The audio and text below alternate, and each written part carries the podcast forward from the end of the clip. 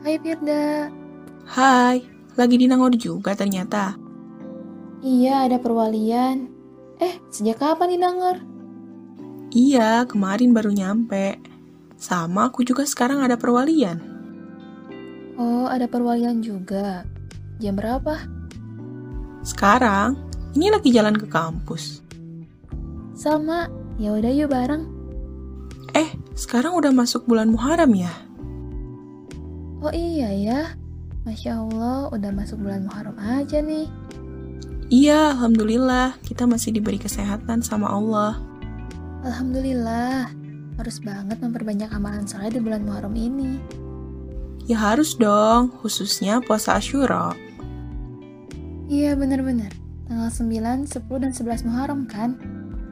Bisa tiga hari, hmm, atau bisa juga dua hari. Hmm, iya ya, aku juga pernah dengar.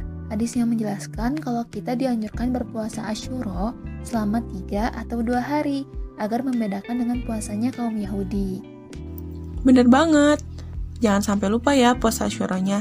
Insya Allah dengan melaksanakan puasa Asyura ini, dosa-dosa kita yang setahun kebelakang dapat diampuni.